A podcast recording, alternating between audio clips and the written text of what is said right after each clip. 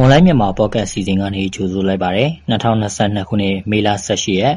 ဒီကနေ့ကျွန်တော်တို့တင်ဆက်မယ့်အစီအစဉ်မှာတော့ပရိသတ်တွေစိတ်ဝင်စားပွဲမွန်ပြည်နယ်သတင်းပြည်တွင်းသတင်းနဲ့အာဆီယံသတင်းသတင်းပေးပို့ချက်တွေပြင်ပြည်သူတွေသိထားတဲ့နေ့စဉ်ကုန်စည်နှုန်းသတင်းတချို့ကိုအစီအစဉ်ပထမပိုင်းမှာရွေးချယ်ပြီးတော့တင်ဆက်ပေးသွားမှာဖြစ်ပါတယ်ဒါအပြင်တော်လိုင်းအင်အားစုတွေကိုနိုင်ငံတကာကလက်နက်ထောက်ပံ့ပေးဖို့ဆိုဒီမှာဖြစ်နိုင်ခြေနှဲပါတယ်ဆိုတဲ့သတင်းပေးပို့ချက်ကိုလည်းတင်ဆက်ပေးပါဦးမယ်။ ဒီကနေ့စီစဉ်မှုကတော့ကျွန်တော်ခမ်းမြတ်သူကတောင်းယူတင်ဆက်ပေးတော့မှာဖြစ်ပြီးကျွန်တော်နဲ့အတူမိအိုင်ဘလော့ကသတင်းတွေကိုကူညီဖတ်ကြားပေးတော့မှာပါနားဆင်ကြတဲ့ပရိသတ်အားလုံးကိုမင်္ဂလာပါလို့နှုတ်ခွန်းဆက်တာပါစေကျွန်မမိအိုင်ဘလော့ကကိုခမ်းမြတ်သူနဲ့သူကူညီတင်ဆက်ပေးသွားမှာပါ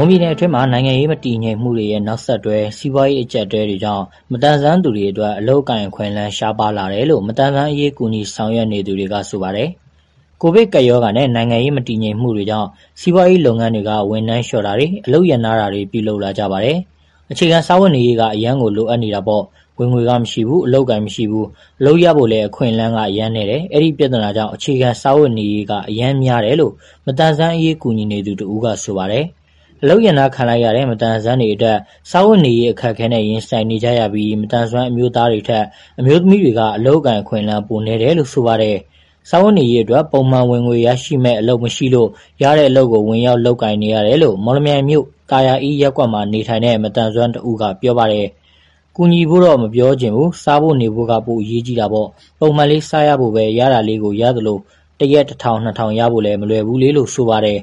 မသန်စွမ်းတွေအလုပ်အကိုင်ပေးဖို့ကြန့်ကြာမှုတွေရှိခဲ့ပေမဲ့ဝန်ထမ်းအင်အားလျှော့ချမယ်ဆိုရင်တော့မသန်စွမ်းတွေကိုပဲအဓိကအလုပ်ရပ်နားတာလို့ဆိုပါတယ်။မြန်မာနိုင်ငံရဲ့၂၀၁၉ခုနှစ်ကြားဖြတ်သန်းခေါင်စာရင်းအရနိုင်ငံလူဦးရေရဲ့၁၂.၈ရာခိုင်နှုန်းဟာမသန်စွမ်းတွေဖြစ်တယ်လို့သိရပါတယ်။ မွန်ပြည်နယ်ရေမြို့နယ်မှထွက်ရှိတဲ့မင်းကွတ်တီတွေဈေးကောင်းရရှိကြတဲ့အပြင်ဈေးကွက်မှာယူတင်ပို့မှုပါမြင့်တက်လာနေတယ်လို့တရားခံကောင်တယ်တွေကပြောပါတယ်။ပြီးကြတဲ့နှစ်ကမင်းကွတ်တီဈေးကတလုံးကို30ကျပ်လောက်သာရရှိပြီးအခုနှစ်မှာ90ဝန်းကျင်အထိရကြတယ်လို့ကောင်တယ်တူကပြောပါတယ်။ စိုက်ပျိုးတောင်သူတူကမင်းကွတ်တီကအထွက်များပြီးဈေးကောက်တဲ့နှစ်နဲ့ကြောင်းရင်ကောင်းပေမဲ့ရာသူဥတုကြောင့်အထွက်နှောင်းလဲကြစဉ်ဈေးလည်းမရကြတဲ့နှစ်တွေဆိုရင်ဈေးရိတ်ရှုံးကြတယ်လို့ပြောပါတယ်။စစ်တပ်ကအာဏာရယူပြီးတစ်နှစ်ကျော်ကာလအတွင်းမှာ73စီဈေးတွေကုန်စည်နှုန်းတွေမြင့်တက်လာတာနဲ့အမျှစိုက်ပျိုးတောင်သူတွေမှာလည်းအချမ်းလောက်ငန်းနဲ့ကုန်ကြစရိတ်တွေပါပုံမကုန်ကြလာခဲ့တာကြောင့်တစ်တီဝလံဈေးနှုန်းတွေဈေးကောင်းရရှိပေမဲ့ထိုက်တဲ့တလို့မကြမ်းကြဘူးလို့တောင်သူတွေကဆိုပါတယ်။ရင်းမြို့နယ်မှာနှစ်ရှည်ပင်ရာသီပေါ်အသီးတွေဖြစ်တဲ့ဒူးရင်မင်းကိုကြက်မောက်ကျွဲကောသီးတွေကိုစိုက်ပျိုးထားကြပြီးနှစ်စဉ်ရန်ကုန်ပဲခူးမော်လမြိုင်မန္တလေးတို့ကိုတင်ပို့မှုကဈေးကွက်မှနေရာယူထားပါတယ်။ရေးမျိုးနဲ့မင်းကွတ်တီတွေက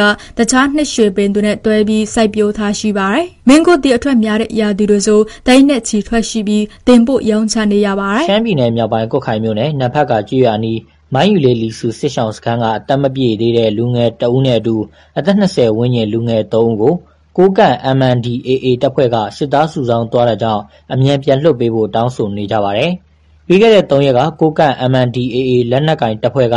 နဖက်ကအနီး မိုင်းယူလေးကျေးရွာက ပန်လော့လီဆူ စစ်ရှောင်စခန်းကို ဝင်ရောက်ကာ စစ်သားစုဆောင်းရေး ပြုလုပ်ခဲ့တယ်လို့ စစ်ရှောင်အမျိုးသမီးတဦးက ပြောပါတယ်။တံခါးခေါက်တယ်။မဖွင့်ပေးရင် ခြေထောက်နဲ့ တံခါးကိုကန်တယ်။ကန်ပြီးတော့ ထွက်ခဲ့ခိုင်းတယ်။ကျနော်တို့ နောက်လိုက်ရမယ်။မလိုက်ချင်ဘူးလို့ ပြောဖို့ အခွင့်အရေးမရှိဘူး။မိဘတွေက ကိုယ့်သားတွေကို အနွေးထည်လောက် မပေးခိုင်းဘူး တက်လိုက်မယ်မလာခဲ့နဲ့စကားလေးတခွန်းပြောလိုက်တာနဲ့မပြောနဲ့မအော်နဲ့တေကျင်လားပြစ်တက်လိုက်မယ်လို့ပြောပြီးတနက်ကင်ပြီးခြောက်တယ်ကျမတို့စစ်ဆောင်တွေကိုအခုလိုတနက်နဲ့လာချောက်တော့တနက်တန်ကိုကြောက်ပြီးတော့စစ်ဆောင်ခဲ့တဲ့ကျမတို့တေဖို့ပဲရှိတယ်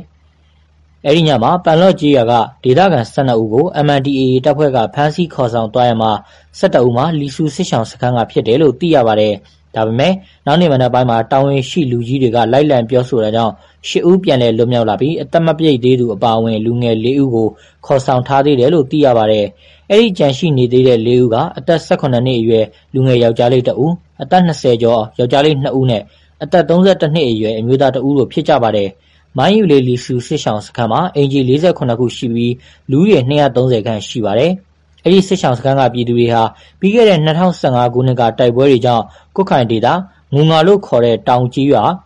တိမ်းရှောင်လာခဲ့တဲ့ ပြည်သူတွေပဲ ဖြစ်ပါတယ်။ကွတ်ခိုင်မြို့နယ်ကနေ ဆိုင်ကယ်နဲ့ တနာရီခန့်သွားရပြီး မိုင်းယူလေးကျေးရွာ အနီးတဝိုက်မှာ စစ်ရှောင်စခန်း ၄ ခုခန့် ရှိတယ်လို့ သိရပါတယ်။ ရှမ်းပြည်နယ်မြောက်ပိုင်းကုတ်ခိုင်မြို့ဟူနောင်းနဲ့ရှုခင်းတာရွာအနီးမှာတမတော်နဲ့ကကြင်လွတ်လပ်ရေးတမတော် KIA တို့အကြားတိုက်ပွဲဖြစ်ပွားခဲ့တယ်လို့ကချင်ပြည်နယ်အခြေစိုက်သတင်းဌာနတွေကရေးသားထားပါတယ်။မနေ့ကညပိုင်းကကုတ်ခိုင်မြို့အကျော်မှာတမတော်စစ်ကြောင်းကို KIA ကကြားဖြတ်တိုက်ခိုက်ခဲ့တာဖြစ်ပြီးထိခိုက်သေးဆုံးမှုတွေနဲ့အတူစစ်ကားတချို့ပျက်စီးသွားတာတွေရှိတယ်လို့သိရပါတယ်။ကုတ်ခိုင်ကနေမူဇယ်ဘက်ကိုတက်လာတဲ့စစ်တပ်ကားတန်းကို KIA တပ်မဟာလေးတပ်ရင်ရှိကဝင်တိုက်ခဲ့တာလို့ကချင် New Group ကရေးသားထားပါတယ်။ကချင်လူလဲရေးတပ်မတော် KIA အနေနဲ့ကချင်ပြည်နယ်အတွင်းနာဆာကလက်အောက်မှာတာဝန်ထမ်းဆောင်နေတဲ့အစိုးရဝန်ထမ်းတွေကိုနှုတ်ထွက်ခိုင်းထားပြီးတပ်မတော်နဲ့စစ်ရေးတင်းမာတာတွေရှိနေပါတယ်။ကုတ်ခိုင်မြို့နယ်မှာအခုရက်ပိုင်းတွင် KIA နဲ့တပ်မတော်စစ်ကြောင်းတွေကြားထိတွေ့တိုက်ပွဲတွေဆက်တိုက်ဖြစ်ပွားလာတယ်လို့ဒေသခံတွေကပြောပါတယ်။တရုတ်မြန်မာနှစ်နိုင်ငံအဓိကကုန်သွယ်ရာနယ်စပ်ဂိတ်တစ်ခုဖြစ်တဲ့ကျင်းစန်းကျော့မန်မိုင်ဂိတ်ကနေ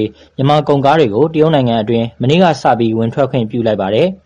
ပြီးခဲ့တဲ့နှစ်ရက်ကဝင်ထွက်ခွင့်ပြုထားပေမဲ့မနေ့ကမှစတင်ဝင်ထွက်ခွင့်ပြုတာလို့မြန်မာကုန်သည်တို့ကပြောပါတယ်။နှစ်နိုင်ငံနယ်စပ်အဝင်ထွက်ကိုတရုတ်ဘက်ကတရုတ်ခောက်တို့အစားထိုးရင်မောင်းနေတာကုန်တွင်ဝင်ရောက်ခွင့်လုပ်လို့ကန့်သက်ထားတာကြောင့်မြန်မာယာဉ်မောင်းတွေကကျင်စန်းကျော့မှာနေခဲ့ရမှာဖြစ်ပြီးမြန်မာကုန်ကားတွေကိုရှန်တိန်တွေနဲ့မောင်းသွားရမှာဖြစ်ကာကုန်ချိန်းဖို့မလိုတော့ဘဲကုန်ချပြီးရင်တရုတ်ဘက်ကကုန်တင်ပြီးရှန်တိန်ယာဉ်မောင်းတွေနဲ့ပဲမြန်မာဘက်ကိုပြန်ဝင်လာမယ်လို့ကုန်တင်ယာဉ်ပိုင်ရှင်တဦးကပြောပါတယ်။ အရင်ကမြန်မာကုန်တင်ယာဉ်တွေ တိုက်ရိုက်ဝင်မရလို့ နှစ်နိုင်ငံနယ်စပ်ဖြတ်ကျော်ဖို့ တရုတ်ကုန်တင်အငှားကခောက်တိုကားတွေ ဈေးနှုန်းမြင့်ခဲ့ပြီး အခုလို မြန်မာကုန်တင်ကားတွေ ဝင်ထွက်ခွင့်ပြုလိုက်လို့ တရုတ်ကားငှားကဈေးကျသွားတဲ့အပြင် ကုန်ကျစရိတ် သက်သာသွားနိုင်တယ်လို့ မြန်မာလုပ်ငန်းရှင်တဦးက ပြောပါတယ်။ ပြီးခဲ့တဲ့၂၀၂၁ခုနှစ်ဇူလိုင်လကစပြီးတရုတ်ဘက်ကကိုဗစ်အကြောင်းပြချက်နဲ့ကျင်စန်းကျော့ဂိတ်ကိုပိတ်ခဲ့ရာမှာနှစ်ကုန်ပိုင်းဒီဇင်ဘာမှာပြန်ဖွင့်ခဲ့ပေမဲ့မြန်မာကုန်တင်ကားတွေကိုတိုက်ရိုက်ဝင်ခွင့်မပြုဘဲတရုတ်အငှားကုန်တင်ကားတွေနဲ့ပဲဝင်ထွက်ခွင့်ပြုခဲ့တာပါ။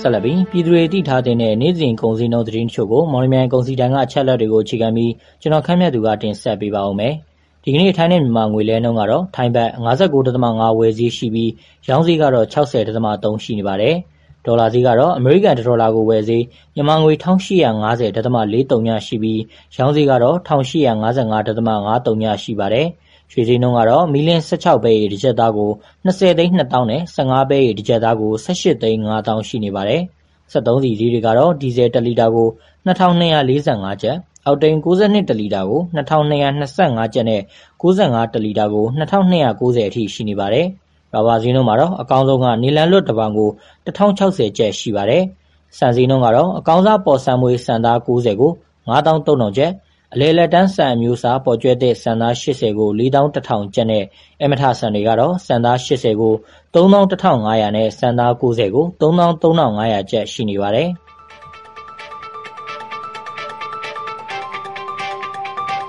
မတို့ရဲ့မလန်းမြန်မာဖောက်ကမြန်မာဘာသာစီစဉ်ကိုအားပေးနားဆင်ကြတဲ့ပရိသတ်များရှင်ကျမတို့အတန်လို့စီစဉ်ကနေပြီးတော့မွန်ပြည်နယ်မှာဖြစ်ပျက်နေတဲ့သတင်းများပြည်တွင်းငင်းချဲရေးဖြစ်စဉ်များပြင်မြန်မာနိုင်ငံတွင်းနဲ့အာဆီယံတွင်းများကိုအပတ်စဉ်တင်လာနေမှတောကြနေများတွင်ည9:00နာရီအချိန်တွင် Mon New Agency Facebook စာမျက်နှာတွင်ဝင်ရောက်နားဆင်နိုင်သလိုမလန်းမြန်မာဖောက်ကစာမျက်နှာတွင်လည်းဝင်ရောက်နားဆင်နိုင်ပါပြီအားပေးကြတဲ့ပရိသတ်များအားလုံးကိုကျေးဇူးတင်ပါတယ် ခုတင်ဆက်ပေးသွားခဲ့တာကမေလ၁၈ရက်နေ့မှာဖြစ်ပျက်ခဲ့တဲ့မွန်ပြည်နယ်သတင်း၊ပြည်တွင်းသတင်းနဲ့အာဆီယံသတင်းတွေအပြင်တနေ့တာဆီဈေး၊ငွေဈေးနဲ့ကုန်ဈေးနှုန်းတွေကိုတင်ဆက်ပေးသွားခဲ့တာပါ။ဆက်လက်ပြီးတော်လှန်ရေးအင်အားစုတွေကိုနိုင်ငံတကာကလက်နက်ထောက်ပံ့ပေးဖို့ဆိုတာဖြစ်နိုင်ခြေနည်းပါးတယ်ဆိုတဲ့သတင်းပေးပို့ချက်ကိုတော်တာကတင်ဆက်ပေးပါဦးမယ်။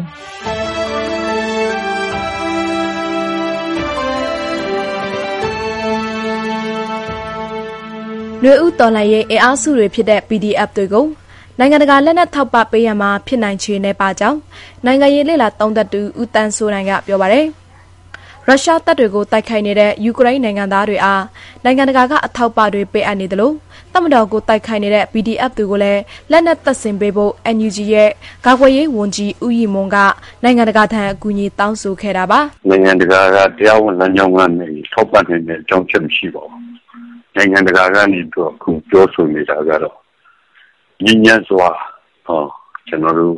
အားလုံးပါဝင်သူတွေတက်ရောက်ဆွေးနွေးညှိနှိုင်းကြဖို့ဆိုတဲ့သဘောထားက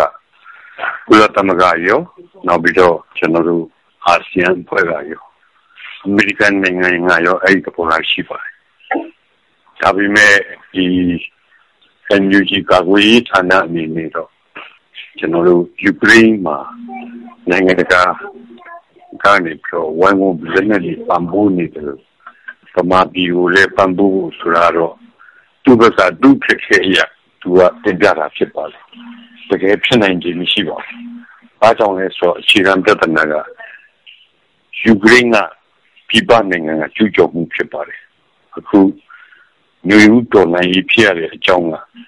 ဒီမှာပြည်ကစစ်ကောင်စီကပြည်သူလူထုကိုကျွန်တော်တို့အကြမ်းဖက်တပ်ဖြတ်ဖန်စီရွာမိရှုဘုံကျဲ ဒီလုတ်တွေလုံနေလို့ဖြစ်နေတဲ့ပြည်တွင်းပြဿနာဖြစ်ပါတယ်အဲဒါကြောင့်တရားဝင်ရတော့ကျွန်တော်တို့နိုင်ငံတကာကနေပြီးလက်နဲ့ထောက်ပံ့ရေးဆိုတာဖြစ်နိုင်ကြတော့နေပါတယ်သို့တော့တရားမဝင်တဲ့လမ်းကြောင်းကပံ့ပိုးနိုင်တာတွေတော့သူတို့ ဆက်လက်ပံ့ပိုးမယ်လို့တော့ကျွန်တော်တို့မျှော်လင့်ရပါဒါပေမဲ့နောက်အုပ်စုတွေအနေနဲ့တာရက်ချိတ်ဆက်ကူညီခြင်းမျိုးမဟုတ်ပဲတရားမဝင်တဲ့လမ်းကြောင်းကပေးပို့နိုင်ကြောင်းဦးတန်းဆိုနိုင်ကဆိုပါတယ်မြန်မာနိုင်ငံတော့နိုင်ငံတကာအတိုက်ဝန်ရဲ့ရည်တည်ချက်ဟာစိတ်ပိုင်းဆိုင်ရာပတ်ပိုးကူညီမှုဖြစ်ပြီးအဲ့ဒီအတွက်ကျေးဇူးတင်ကြောင်းနဲ့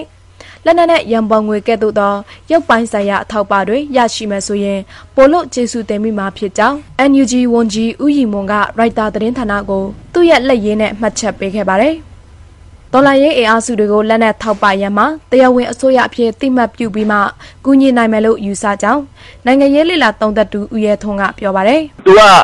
ရားထဲမှာတဆင့်တော့ကြံမှာပေါ့ဗျာ။သူကတရားဝင်အစိုးရဆိုတဲ့ဟာကိုအတိမတ်ပြုပြီးဆိုဆိုရင်တော့အဲ့ဒီနောက်ပိုင်းမှာအဲ့ဒီလက်နက်ခဲယမ်းမကြောက်တွေပါထောက်ပံ့တာတွေပါရှိနေတာပေါ့ဥပမာကျွန်တော်တို့ယူကရိန်းလို့ပေါ့နော်ယူကရိန်းကကြတော့ ကျွန်တော်တို့ရုရှားဝင်ပြီးတော့တိုက်တာကျူးကျော်တာဆိုတဲ့အခါကျတော့တရားဝင်အစိုးရသူကပြုတ်မကြဘူးလေတရားဝင်အစိုးရဖြစ်တော့အဲ့ဒါသူတို့ကူညီခြင်းကိုလက်နက်ခဲယမ်းမိကြောက်တွေပါကူမယ်ဆိုတော့ပြောင်းသူတို့တရားဝင်ကူလို့ရတာပေါ့နော်ဆိုတော့အဲ့ဒီဘောပေါ့ဆိုတော့အဲလက်နက်ခဲယမ်းမိကြောက်တွေပါကူမယ်ဆိုလို့ရှိရင်သူကအဲတရားဝင်အစိုးရဖြစ်အတိမတ်ပြုပြီးမှပဲ လာနိုင်မယ်လို့ယူဆတယ်အမေရိကန်နိုင်ငံအနေနဲ့ NUG ရဲ့နိုင်ငံသားရေးဝန်ကြီးတော်စင်မအောင်ကိုတွေ့ဆုံဆွေးနွေးခဲ့ကြပြီးအဲ့ဒီဆွေးနွေးမှုမှာလူသားချင်းစာနာထောက်ထားမှုအကူအညီပေးနိုင်ရေးကိစ္စအာဆီယံအသင်းအနေနဲ့ NUG နဲ့ဆက်ဆံမှုတွေပြုလုပ်ဖို့ပြောဆိုမှုတာတွေ့ရှိရကြောင်းဦးရထုံကဆိုပါတယ်မြန်မာနိုင်ငံတွင်2023ခုနှစ်ဖေဖော်ဝါရီလတရက်စစ်တပ်ကအာဏာရယူပြီးနောက်ဒီမိုကရေစီအရေးလှောက်ရှားမှုနဲ့အတူလက်နက်ကင်တော်လှန်ရေးကိုဆင်နွှဲလျက်ရှိနေပါတယ် လက်ရှိမှာတော့စကိုင်းတိုင်းဒေသကြီးမကွေးတိုင်းဒေသကြီးချင်းပြည်နယ်ကယားပြည်နယ်ကရင်ပြည်နယ်တို့မှာတမတော်နဲ့တိုင်းရင်းသားလက်နက်ကိုင်တပ်ဒေသကာကွယ်ရေးတပ် PDF တို့ပူးပေါင်းတပ်တွေကြားတိုက်ပွဲတွေဖြစ်ပေါ်လျက်ရှိနေပါတယ်။